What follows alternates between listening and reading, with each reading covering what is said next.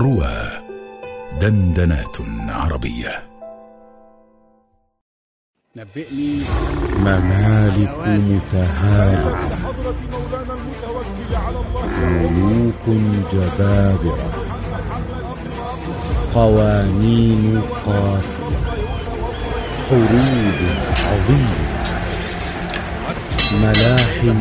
أتبقى تسمعونها في إلياذة عربية بعنوان الأيام الكبرى على رواه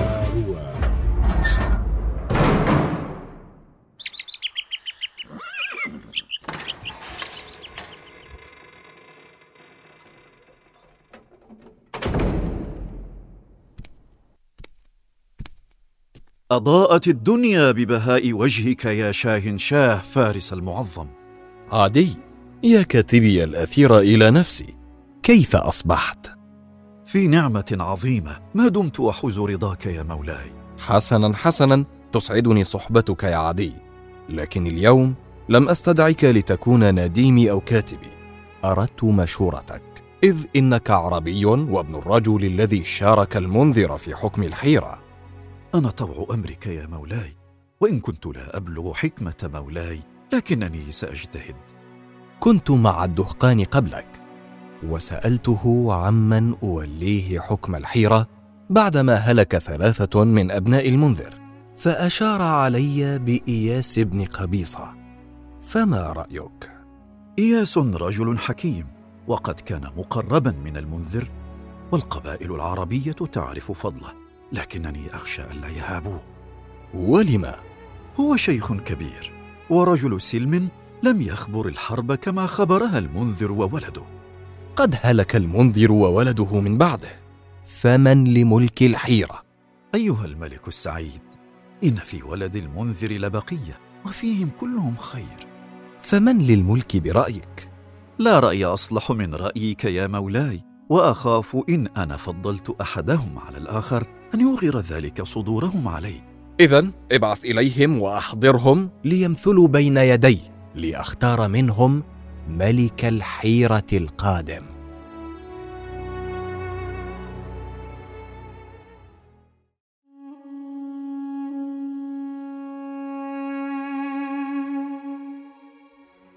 لقد حضر إخوتك يا نعمان. الخدم ينزلونهم حاملين أمتعتهم إلى حجرات القصر. علمت بذلك يا عماه. لا تنادني بذلك أمامهم نادني باسمي وليكن في حديثك معي غلظة. أنا لا أفهم لم تريدني أن أفعل ذلك. ولم تلبسني هذه الحلل القاسية وإخوتي يلبسون أبهى حللهم؟ إن أطعتني دان الملك لك. ليس عندي غيرك ولا أرى الخير في أي من إخوتك سواك فلا يوحشنك ما أفضل به إخوتك عليك من الكرامة إنما أغترهم بذلك وألزم ما آمرك به تغنم. حسنا يا عماه قلت لك نادني باسمي. حسنا يا عدي. لقد أتوا سأصرفك الآن وأتني بعد انصرافهم. حسنا. حللتم أهلا يا آل المنذر. مرحبا بكم. شرفتنا ضيافتك يا كاتب كسرى. يا أسود كان أبوك صاحب فضل علي وعلى أبي فنادني باسمي واحفظ الألقاب لكسرى وحاشيته. كما تريد يا عدي.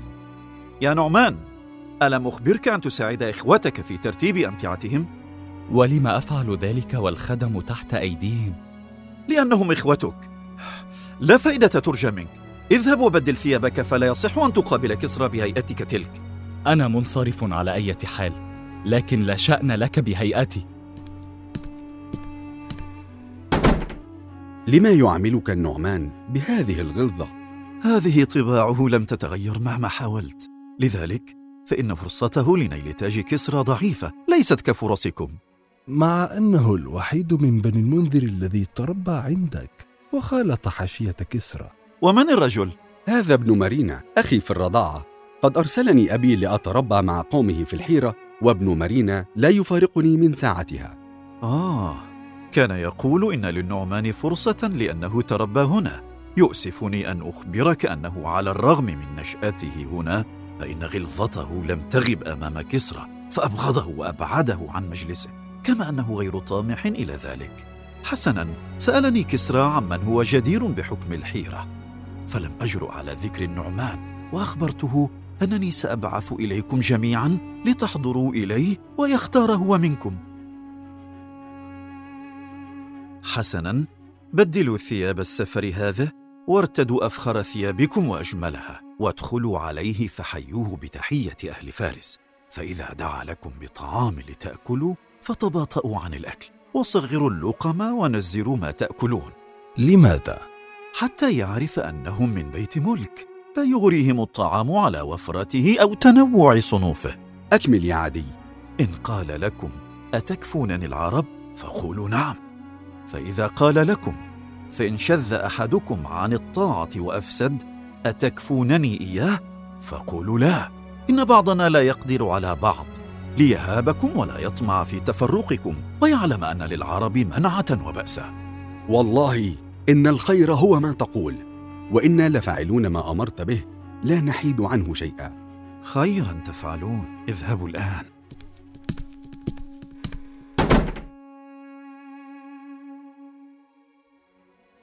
لقد رأيتهم يخرجون من عندك فأتيت إليك كما أمرتني. خيرا فعلت. الآن اسمعني جيدا لا أريد أن تبدل ثيابك. لكن هذه ثياب السفر والصيد. أبقها عليك وتقلد أعظم سيوفك وادخل على كسرى بهذه الهيئة. هل أكلت منذ البارحة؟ لا تجوعت كما أمرتني. عظيم. سيأمر لكم كسرى بالطعام. فإذا جلست للأكل فعظم اللقم وأسرع المضغ والبلع وزد في الأكل قدر استطاعتك. حسنا. سيسألك بعدها هل تكفينني العرب؟ سأقول له نعم. أحسنت. فإذا قال فمن لي بإخوتك إن أفسد أحدهم. ماذا أقول؟ انتظر حتى يجيب إخوتك. ثم قل له إن عجزت عنهم فإني عن غيرهم لأعجز. إن فعلت لتخرجن وقد وضع التاج على رأسك.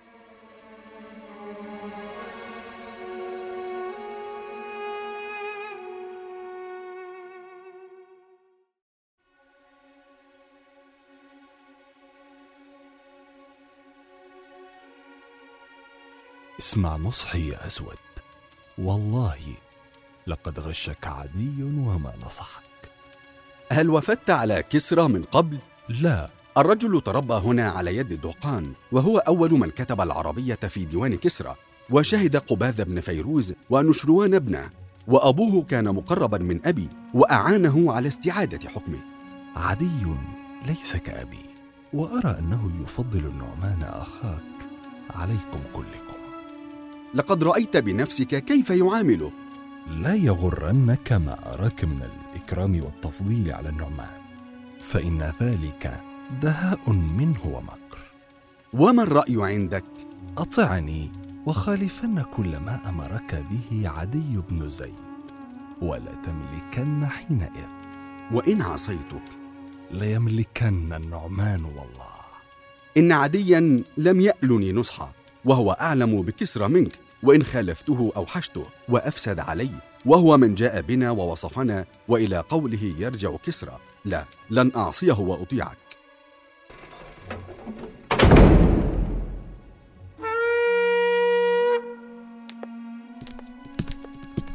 يا أبناء المنذر أنتم بين يدي هرمز بن كسرى أنو شروان بن قباذ شاه شاه الفرس المعظم.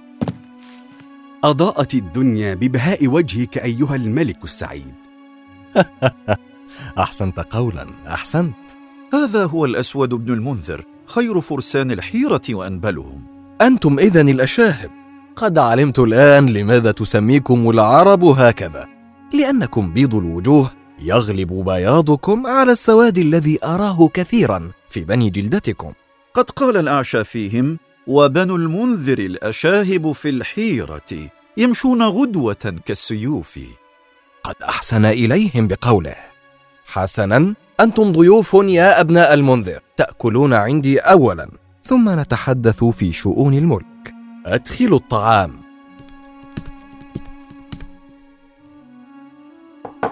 ها قد أتى النعمان يا مولاي. أبيت اللعنة أيها الملك. تحييني بتحية الملوك العرب. لما لا تحييني كإخوتك بتحية ملوك فارس؟ لا يجيدها لساني يا مولاي. لا بأس. اجلس وتناول معهم الطعام. شكرا لك أيها الملك. فلقد جوعتني رائحة الطعام الذكية. على مهل. تأكل كأنك لم ترى طعاما من قبل. لا شأن لك بي. اقترب مني يا عدي. أمرك يا مولاي. هل يجيد أحدهم الفارسية؟ أه، لا يا مولاي. حدثني بها إذا. لماذا لم يلبس النعمان هذا مثل إخوته؟ إنه يحب الصيد يا مولاي وهو عائد منه لتوه. ما أحب الصيد إليه؟ الأسود والحمر الوحشية. ويقدر عليها؟ واصطاد منها كثيرا ولم يعجزه شيء. انظر إليه. يأكل بشراهة. وليس مثل إخوته. أنت تعلم أن لا خير في العربي إن لم يكن أكولا شرها وأنا أقدم لهم طعاما لم يروا مثله في حياتهم. إن يكن في أحد منهم خير ففي النعمان. نعم الرأي يا مولاي. هل سركم الطعام؟ خير كثير من مولاي. فلما لم تأكل منه أنت ولا إخوتك؟ أكلنا قدر حاجتنا وفدتم إلي من سفر وهذا القدر اليسير هو حاجتكم؟ أيها الملك السعيد إننا نرى هذه الصنوف كل يوم حتى إننا زهدنا فيها وأنت أيها النعمان لم لا تزهد فيها كإخوتك؟ أنا لم أرى مثل هذا الطعام في حياتي وهل أعجبك؟ والله لو أتيت بمثله لأتيت عليه حتى أنهيته وحدي. حسن. الجواري ينتظرنكم بالخارج ليغسلن أيديكم ويطيبنكم. فإذا فرغتم فليدخل الأسود أولا ثم النعمان من بعده. أمرك أيها الملك السعيد. هل أجمعت رأيك يا مولاي؟ أريد أن أحدثهم أولا.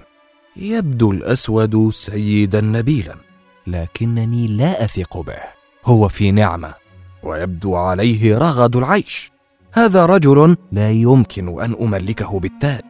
أما النعمان فقد أكل من طعامي وأعجبه.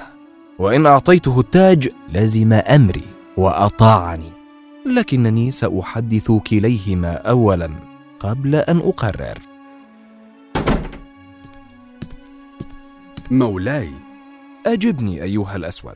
إن أعطيتك التاج. فهل ستكفيني العرب؟ نعم يا مولاي فإن شذ أحد إخوتك عن الطاعة وأفسد أتكفيني إياه؟ أيها الملك السعيد أنا أكفيك العرب كافة إلا إخوتي فإننا لا نقدر على أنفسنا حسنا أيها الأسود ارجع إلى حجرتك ولسوف يأتيك ردي اليوم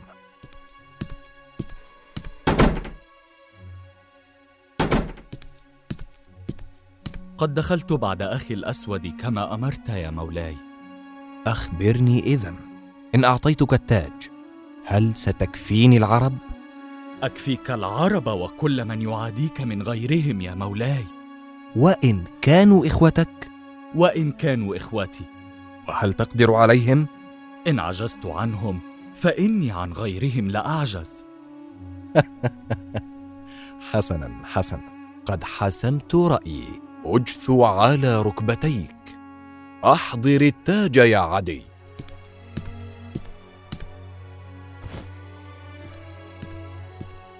هذا تاج كسرى المرصع باللآلئ يمنحه فقط لمن يملك العرب. أنا هرمز. ابن كسرى أنوشروان ابن قباذ. عظيم الفرس. أعلنك اليوم أيها النعمان. ملكا على الحيرة.